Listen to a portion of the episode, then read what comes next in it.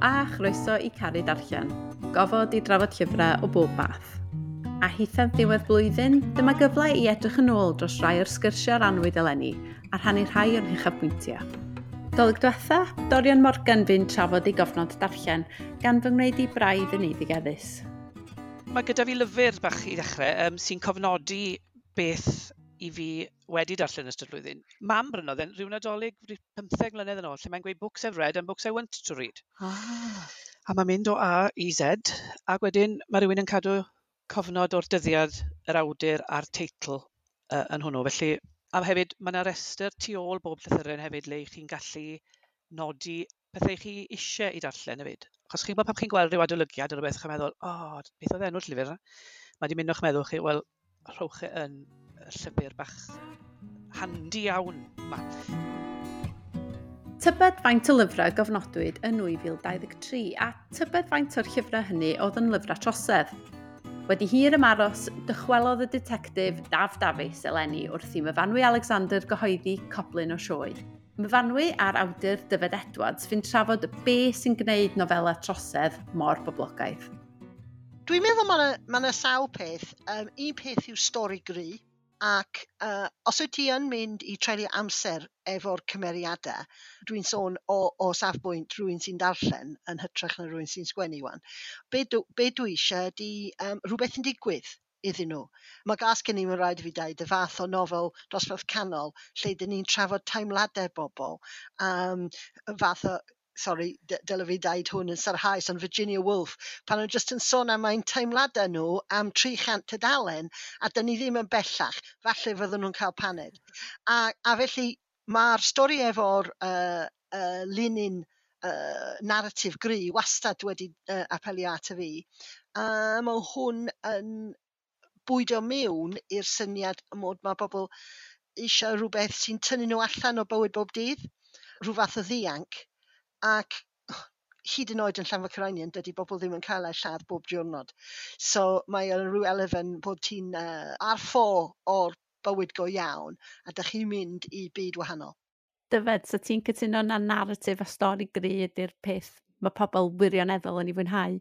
Wel, mae ma, ma hynny wir am uh, am unrhyw uh, genre wrth gwrs, ond uh, dwi'n dwi, cytuno efo myfanwy bod, bod pobl yn gallu uh, dianc o'i bywyd bob dydd efo, efo uh, ffuglen trosedd. Wrth gwrs, tydi'r mwyafrif ohono ni ddim yn cyflawni uh, troseddau uh, yn sicr rhai uh, sy'n cael ei disgrifio mewn nofela. Felly mae mae nofela troseddau mewn ffordd yn rhyw, um, rhyw fath o faes chwarae seicolegol allai ni ddianc iddo fo ac i ni i ni weld i fywydau uh, troseddwyr a hefyd y, y, y, y bobl ydy ni yn edmygu sydd yn ymchwilio i'r trosedd yma. Yn sicr bod o'n ffordd o ddianc, o bod o hefyd i, i ni brofi mewn ffordd saff y gweitha o ddynol rhyw mewn ffordd. Mae hynna'n uh, rhyddhad, dwi'n meddwl, seicolegol yn sicr i bobl. Fel oedd y ti'n sôn, mae fanwy dos na ddim llofrwyddeithiau'n llanfod creinion bob dydd, a'i yr, yr, yr y perygl, fel oedd ti'n sôn dyfod, y perygl saff nadio, y ffaith bod ti'n cael darllen y pethau a fi yma, ond gwybod bod ti'n saff adra yn y fod y banad. Mae ma straeon trosedd yn aml iawn, maen nhw'n uh, atgoffa fi o'r uh, fath o straeon, straeon tywydd teg, dych chi'n darllen i plant, achos uh, yn y pen draw, mae problem yn cael ei datrys. So mae pawb yn byw yn hapus ac yn llonydd a gweddill ei bywydau. E. Dyna, dyna fath o, o strwythyr i sawl nofel trosedd beth bynnag. Dwi'n rili licio'r syniad yna.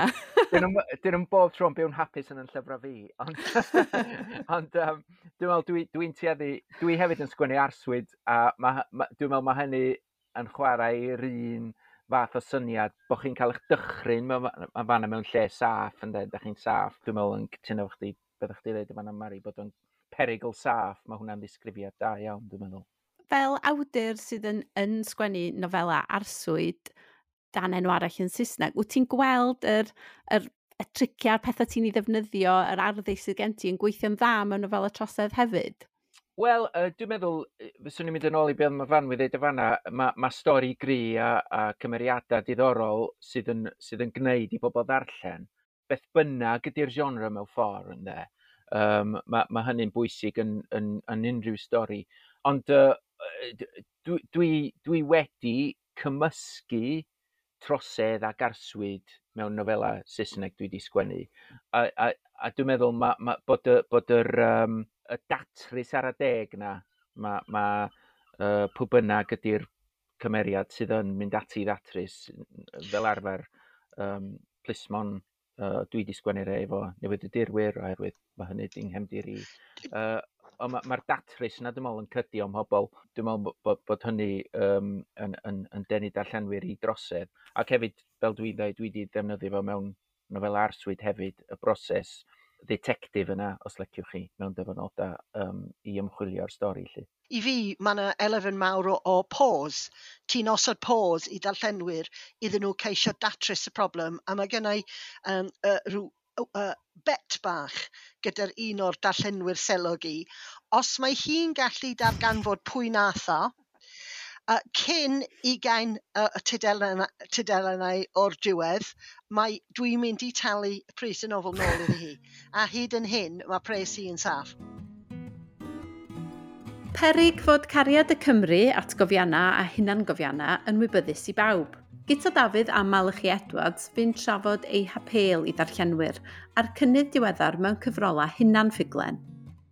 Dwi'n meddwl bod chdi'n llygad y le Mari i sôn am, amdani fel Cymru bod ni wrth yn bodd efo cofiannau ac efo hunan gofiannau.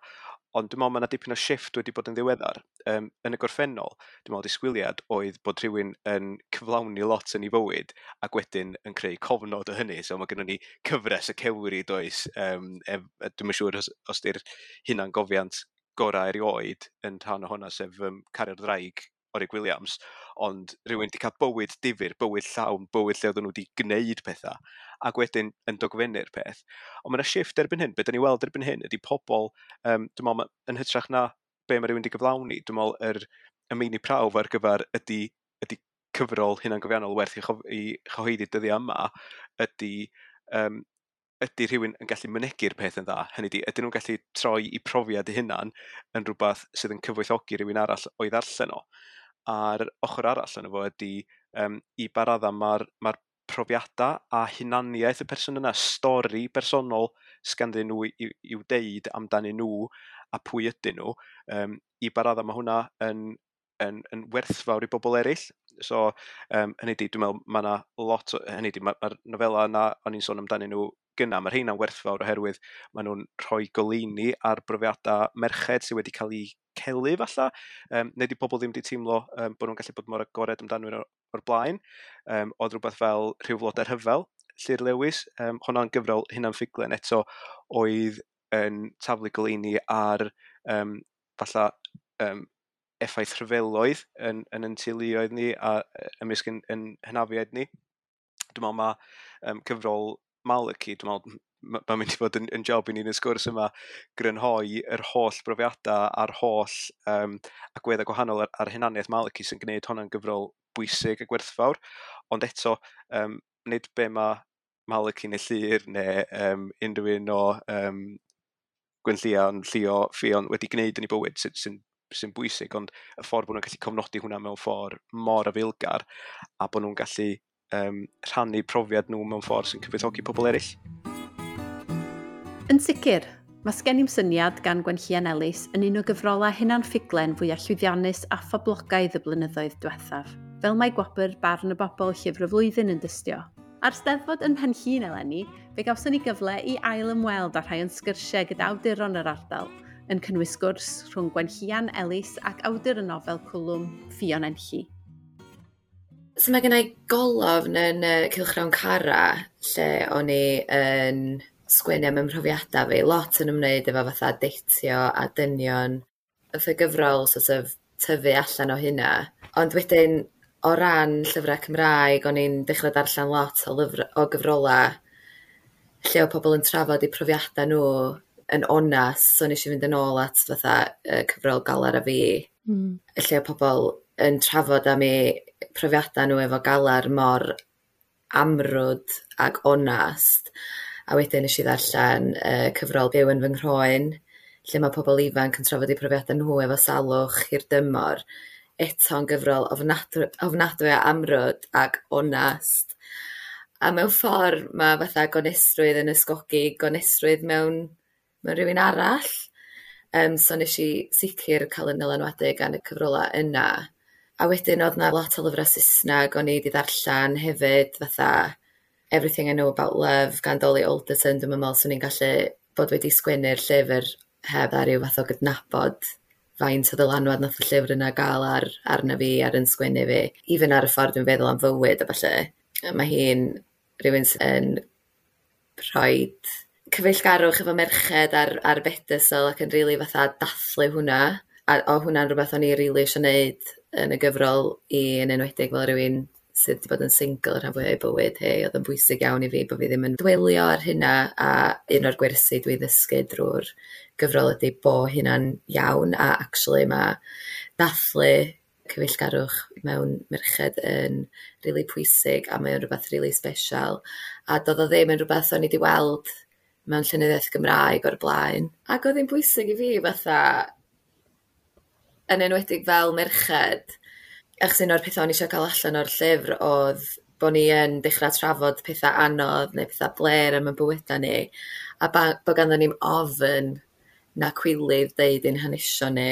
Mae yna lot o bobl di'n galw fi'n yn ddewr am sgwennu'r llyfr yma, ond dwi kind of eisiau cael gwarad ar hynny a gobeithio mm wneith y llyfr gychwyn normaleiddio trafodaethau agorad am gariad, am sex, am snogio, am gael dy ddympio, am pwysau, yn hyder, ffansio pobl fel ti'n gwybod yn well a, i ffansio.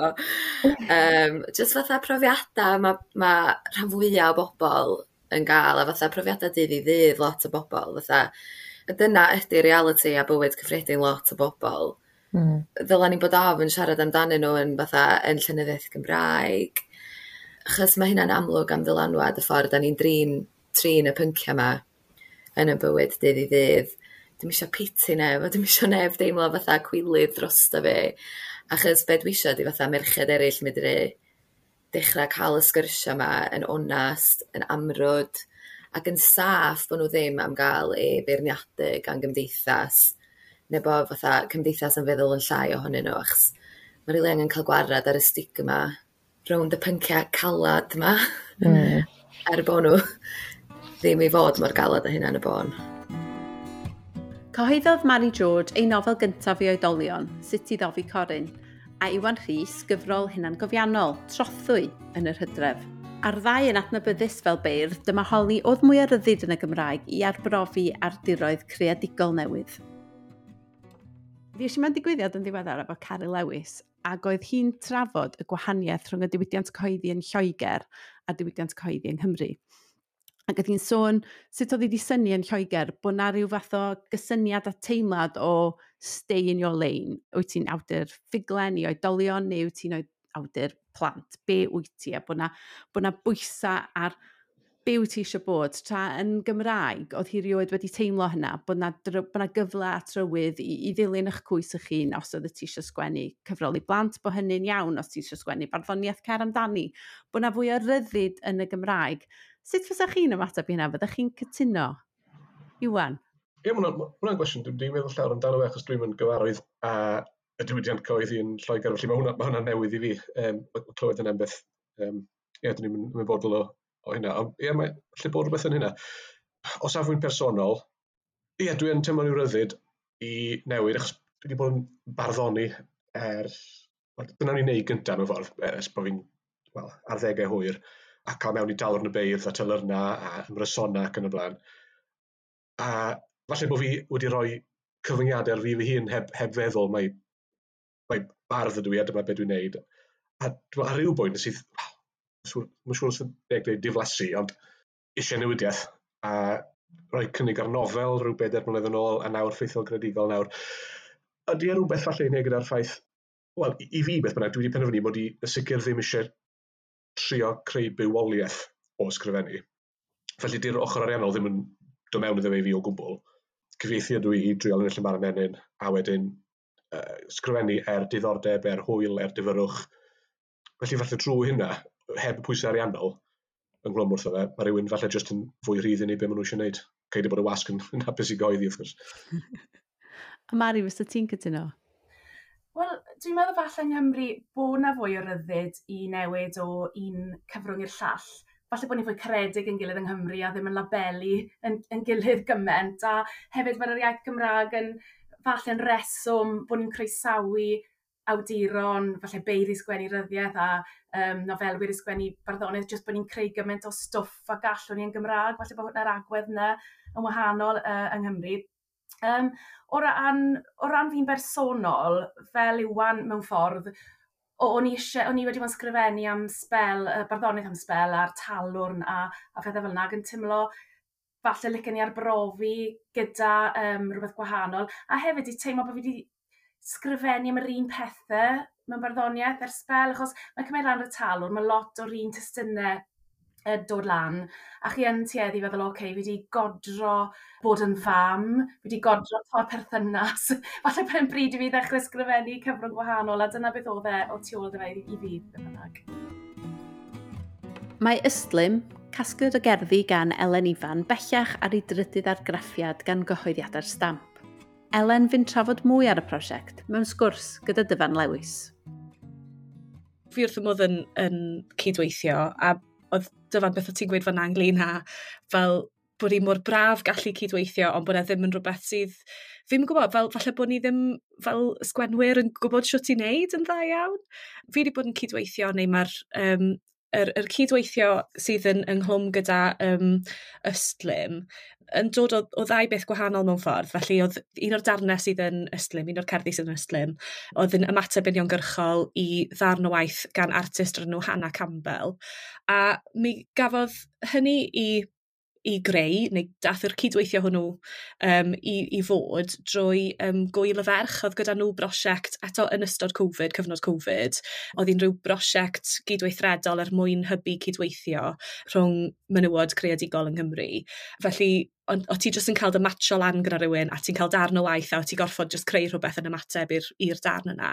Felly, o ddim syniad gyda fi beth o'n i'n mynd i gael, a mi ges i collage um, gan Hannah Campbell a nes i greu y darn um, Vanessa Cardwy yn, yn ymateb i hynny.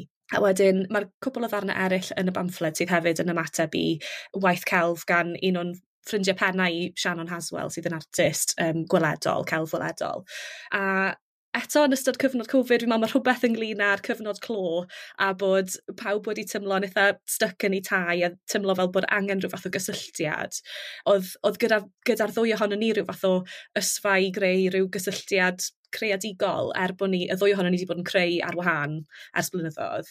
A nath i hala cwbl o ddarnau i fi a wedodd i, o, tybed os lyca ti sgwennu rhywbeth yn ymateb i rhain, a mi nes i. A mae'r cydweithio yna wedi parhau Eto, felly mae Shannon wedi ymgorffori un o'r darnau oedd yn ymateb i ddarn gwreiddiol ganddi hi mewn i ddarn o waith celf gweledol newydd. Felly mae'r fel, mae'r mae cydweithio yna, mae'r broses greadigol yna um, yn dal i fynd ymlaen. Mae newydd, mae wedi rhannu rhywbeth yn, yn ddiweddar ar, um, ar ei Instagram hi hefyd yn ymateb i ddarn arall nes i anfon iddi. Felly, ie, yeah, mae'r mae cydweithio yna'n braf iawn. A mae fe'n rhoi, yn bach o hwb, mae fe'n weithiau'n rhoi just rhyw ysgogiad i, i greu rhywbeth, achos mae'r ma ofn y dudalen wag yn eitha, mae hwnna'n hwnna rhywbeth real. Yn yr un sgwrs, y bardd Dyfan Lewis fi'n trafod ei brosiect llenyddol gerddorol gyda'r artist Steffan Dafydd, Creiriau. Dyma nosweithiau ble mae'r sgwenwyr yn darllen ei gwaith i gyfeiliant cerddoriaeth fyw fyrfyfyr. Os na fiwch yn ei digwyddiadau dros yr ha, mae ambell noson wedi ei threfnu yn y flwyddyn newydd y dechrau yw, am wni, cerddorion yn byrfyfyrio, creu cerddoriaeth yn yma yn y lle, a wedyn uh, llenorion ac artistiad yn darllen eu gwaith nhw dros y gerddoriaeth yna. Athyn ni gael noson yn ddiweddar yn shift yng Nghaerdydd, oedd yn eitha uh, llyddiannus. Uh, tro cyntaf ni'n neud wneud e, oedd yn uh, ysteddfod y llynedd. Mae'n rhyw fath o gywaith mewn ffordd rhwng fi a yr artist Steffan David. Ddath y syniad o sylweddoli mewn ffordd bod pob math o wahanol bobl ar faes yr Eisteddfod ar yr un pryd a bod modd i chi gyfuno'r gwahanol bydoedd yna sydd ar faes yr Eisteddfod o, o ran y gerddoriaeth, y, y calf weledol, y, y llynyddiaeth ac yn y blaen, a chi eisiau uh, torri'r ffiniau rhynggenryddol yna rhyngddyn nhw.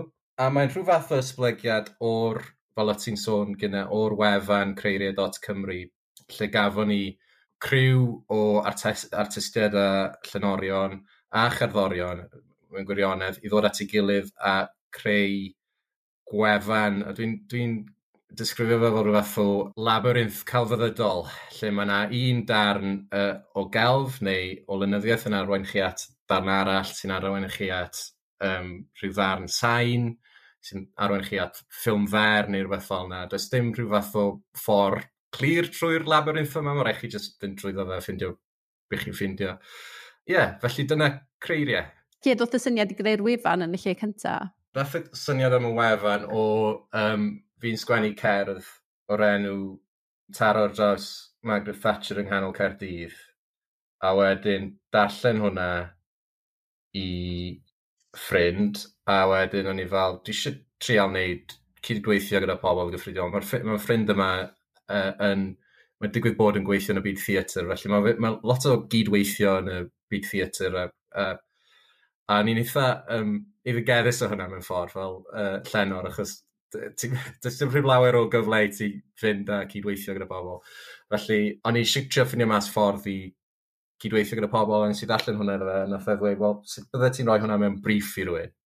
Sut byddai ti'n edrych, sut byddai ti'n gofyn am rhywun i wneud rhywbeth tebyg i hwnna, ond dim hwnna oedd y fath o beth. So nes i feddwl am hynna, a ddath, ddath y galwad agored ar gyfer creiriau o hynna. Ac o'r cychwyn o'n eisiau fe fod yn rhywbeth lle oedd pobl yn cydweithio, a mae criw o bobl, dwi ddim yn cofio nhw gyd, felly dwi ddim yn mynd i ofyn, dwi ddim yn mynd i enwi nhw gyd nawr, achos dwi ddim eisiau pechu neu, ond oedd criw o bobl fod yn ystod y uh, clo a, a chyfarfod dros Zoom A nathon ni just dod lan gyda'r syniadau gwahanol yma, a un ohonyn nhw oedd, oedd, y, oedd y wefan rhyfedd yma, lle oedd pethau ddim cweit yn gwneud synwyr, uh, bod y darnau gelf yn ymateb ei gilydd, a'r, uh, galw popeth yn ddarn o gelf, ond y llun a'r celf weledol ac yn y blaen yn ymateb ei gilydd. Felly, o'r criw nath ymateb i'r alwad mewn ffordd, nath y syniad yna ddod, lot o just trafodaeth gyda Steffan wedyn o ran y steddfod a beth oedd yn bosib o fewn y steddfod a beth sy'n bosib gyfer dyfodol y steddfod a uh, faint o bechod yw, e, yw e mewn ffordd bod, bod y pethau yma'n digwydd ar y maes a bod pobl jyst ddim yn mynd i ymwneud gyda nhw. Os, os nad ydych chi'n ystyried eich hun fel rhywun sydd yn ymddiddori mewn llynyddiaeth, mae'r syniad o'r babell len yn falle rhywbeth sydd yn scary, so o'n i trio meddwl, os eto allan ni ffindio gofod lle does dim ots am hynna mewn ffordd. Uh, chreu gofod lle oedd lle oedd pobl yn gallu dod ar eu telere nhw a just profi rhywbeth. Uh, falle na fydden nhw'n profi fel arall. Um, yeah, a, a dyna, dyna y syniad. Coeddwyd y Delyn Air, cyfrol gyntaf Malachi Edwards ym mis Tachwedd. O sgwrsio am y gyfrol, bu Malachi'n trafod sut y gallwn ni sicrhau fod cyfleoedd ar gael i bawb i rannu a chyhoeddi ei gwaith mae sgwenwyr yn dechrau fel darllenwyr, a o hyd yn darllenwyr fel ni'n trafod llyfrau heddiw. Um, felly mae hwnna'n bwysig. Mae yna ma, ma rai pethau um, sydd yna'n barod o ran y sector addysg. Twyd, y ffaith fod ni efo'r steddfod, y ffaith fod ni efo'r urdd, y ffaith fod ni'n byw mewn cymdeithas sydd yn anrydeddu sgwenwyr um, ac yn rhoi clod i sgwenwyr a rhoi nhw ar llwyfan dwi'n meddwl mae hwnna'n deud rhywbeth da amdan Cymru. Dwi'n meddwl os mae pobl yn meddwl fod weithred yn uh, bwysig a cael ei gwerthfarogi gan y cymdeithas, fod nhw fwy tueddol o meddwl na, na i mynd amdani. A wedyn, dwi'n siŵr mae'r llawer o bobl yn sgwennu nhw, pob math o resymau yn, yn stopio pobl sy'n dwlu ar sgwennu rhag cyhoeddi llyfrau um, resymau economaidd, hyder, um, cynrychiolaeth, allan nhw'n edrych, mae'n troi mewn i rhyw fath o cilch dieflig, lle ti'n edrych ar y, twa, ar y sîn. Llenyddol a meddwl, wel, dwi ddim yn gweld fy hunan yn, yn grŵp yna, ell, dwi'n rhyw fath o peth fel yna, a, a wedyn ella ddim yn ceisio amdani, neu mae yna ffactorau cymleth, ond um, dwi'n meddwl mae amdan gofyn y cwestiwn pwy sy'n yna a lle mae pobl yn ddangos diddordeb. Tywed, uh, cyfleoedd mentora, hyfforddiant, buddsoddiad di'r ateb. Dwi'n you know, dwi dwi, dwi siŵr fod yna fwy o bobl um, o liw at i'n sgwennu nawr, um, ond am pa bynnag. A wrth gwrs mae sgwennu yn y Gymraeg yn dydi, ni'n ni siarad am fy'n hyn. Um, Felly, ie, yeah, cariad at ddarllen llyfrau Cymraeg. Ac eto, mae cari darllen ddim yn golygu fod rhywun yn mynd i eisiau fod yn awdur yn y dyfodol chwaith. Felly, um, darllen yn gwych a fydd ambell person yn teimlo fod nhw eisiau mynegu hynna mewn ffordd i, i, i eisiau mynd ati i ysgwennu. Mae'n ma heriol. Mae'n mynd i cymryd amser. Llawer o gwaith i wneud. Dolig dwytha, roedd Nia Peris a Dorian Morgan yn rhannu gobeithio'n darllen ar gyfer 2023. Tybed a lwyddodd y ddau i ddarllen y llyfrau ar i'r rhestra. Dwi yn wedi gwneud addened fi'n hyn, yn rhannol, ni, wel na, ni wedi gwneud yr addened yma cyn, cyn dechrau edrych yn ôl ar gyfer y recordiad yma o beth dwi wedi ddarllen. Yr addened i ydy bod yn bach yn fwy gwyrdd o ran yn arllen, a dal i fyny hefo'r llu llyfrau, hynny yw yn gopïau uh, print ag electronig sydd yma, dwi wedi prynu nhw achos yn aml bod cyfeillion cyd-aelodau'r clwb darllen wedi argymell nhw, ag bod fi hynny wedi mynd ati'n syth i'w prynu nhw a, a ddim wedi darllen nhw. Felly dwi'n mynd i ddechrau, dwi ddim wedi rhoi unrhyw lyfrau ar yn rhestr nadolig achos dwi'n mynd i drio dal i fyny rhywfaint. A dwi hefyd, fel o'n i'n deud, na ddyned i'r gyfer y flwyddyn newydd, dwi'n neud bach gwell defnydd o'r llyfrgell hefyd, felly um, byddai'n edrych ymlaen at hynny. Ond ie, yeah, dal i fyny rhywfaint te, ac o un llyfr arall, o'n i ddim i ddodd allan mewn clawr papur lenni, felly dwi'n cyfru hynny fel rhyw fath o dwyllio ar gyfer y 2022. Ond llyfr sy'n yn byddai'n pori yn fo yn sicr dros yn nadolig unwaith eto ydy uh, cyfrol Dewi Prysor am gan copa yng Nghymru, y mynyddoedd a fi. Um, mae rwy'n clawr papur eich chi falle fynd efo fo chi, mae rwy'n clawr, fersiwn clawr caled sgan i fe fi, felly dwi'n tuedd i ddarllen i cyn mynd. Ond dyna fydde fe anreg nadolig berffaith i fydde cael dyddiau lle mae bach saffach falle, a modau bach gwell na heddiw i fynd allan, ond cael darllen, uh, dyna rhai o dyddiau mwy o cyfiadwy beth bynnag 22 fi oedd cael darllen potau gyfrol o a wedyn mynd i gerdded yn yr ardaloedd dan sylw. Dwi'n meddwl fod yn gyfrol arbennig iawn ac felly dyna fydda fe anreg i. Mae'r llyfr gan i'n barod ond cael mynd hefyd. Dorian, be amdano ti? O fi'n credu fydd hi'n nadolig o lofruddiaethau a thrillers a bob math o bethau tywyll, achos John Alwyn Griffiths, wrth gwrs, yeah, gwrs. legend ag yw e, um, a wastad yn dod yn nhw mas erbyn Nadolig, wrth gwrs, a mae gyda gyda e ddilyniant mawr iawn, mm, yn dweud, mae e'n mae en hynod. Felly, edrych mlaen i mynd trwy honna, a John Gower yn dod o'i driolau gyntaf i ben yn dweud, felly edrych mlaen i ddarllen um, y diwedd. A hefyd, dwi'n meddwl mae, o Sonia, Edwards, wrth gwrs, mae hi, mae hi wedi mynd at y maes yna hefyd yn dweud, felly fydd ddiddorol gweld fel rhywun falle sydd ddim arfer ysgrifennu yn y, yn y dill yna o ran genre y trosedd ag yn y blaen, edrych mlaen i ddarllen honna. A cwlwm efe, Ffion Enllib, dwi'n meddwl honno. O, oh, ie. Yeah. Ar yn rhestr i hefyd, felly, a gwbl o rai Saesneg. Felly, fydd, fydd ddigon o bethau gadw fi'n dywel, a digon i gadw rhywun fynd tan, tan rhyw fus mawrth ffordd na mae llyfr Nadolig yn cadw fi fynd, a wedyn mae ma dechrau ail wylo wedyn am yr, uh, beth sy'n mynd i gadw fi fynd tan yr haf. Gobeithio fod pob un ohonoch wedi cael llond sach o lyfrau anrhegion nadolig ac y bydd y flwyddyn nesaf yn llawn anturiaethau darllen newydd a chyffroes. Tan y tro nesaf felly, wyldor iawn i chi.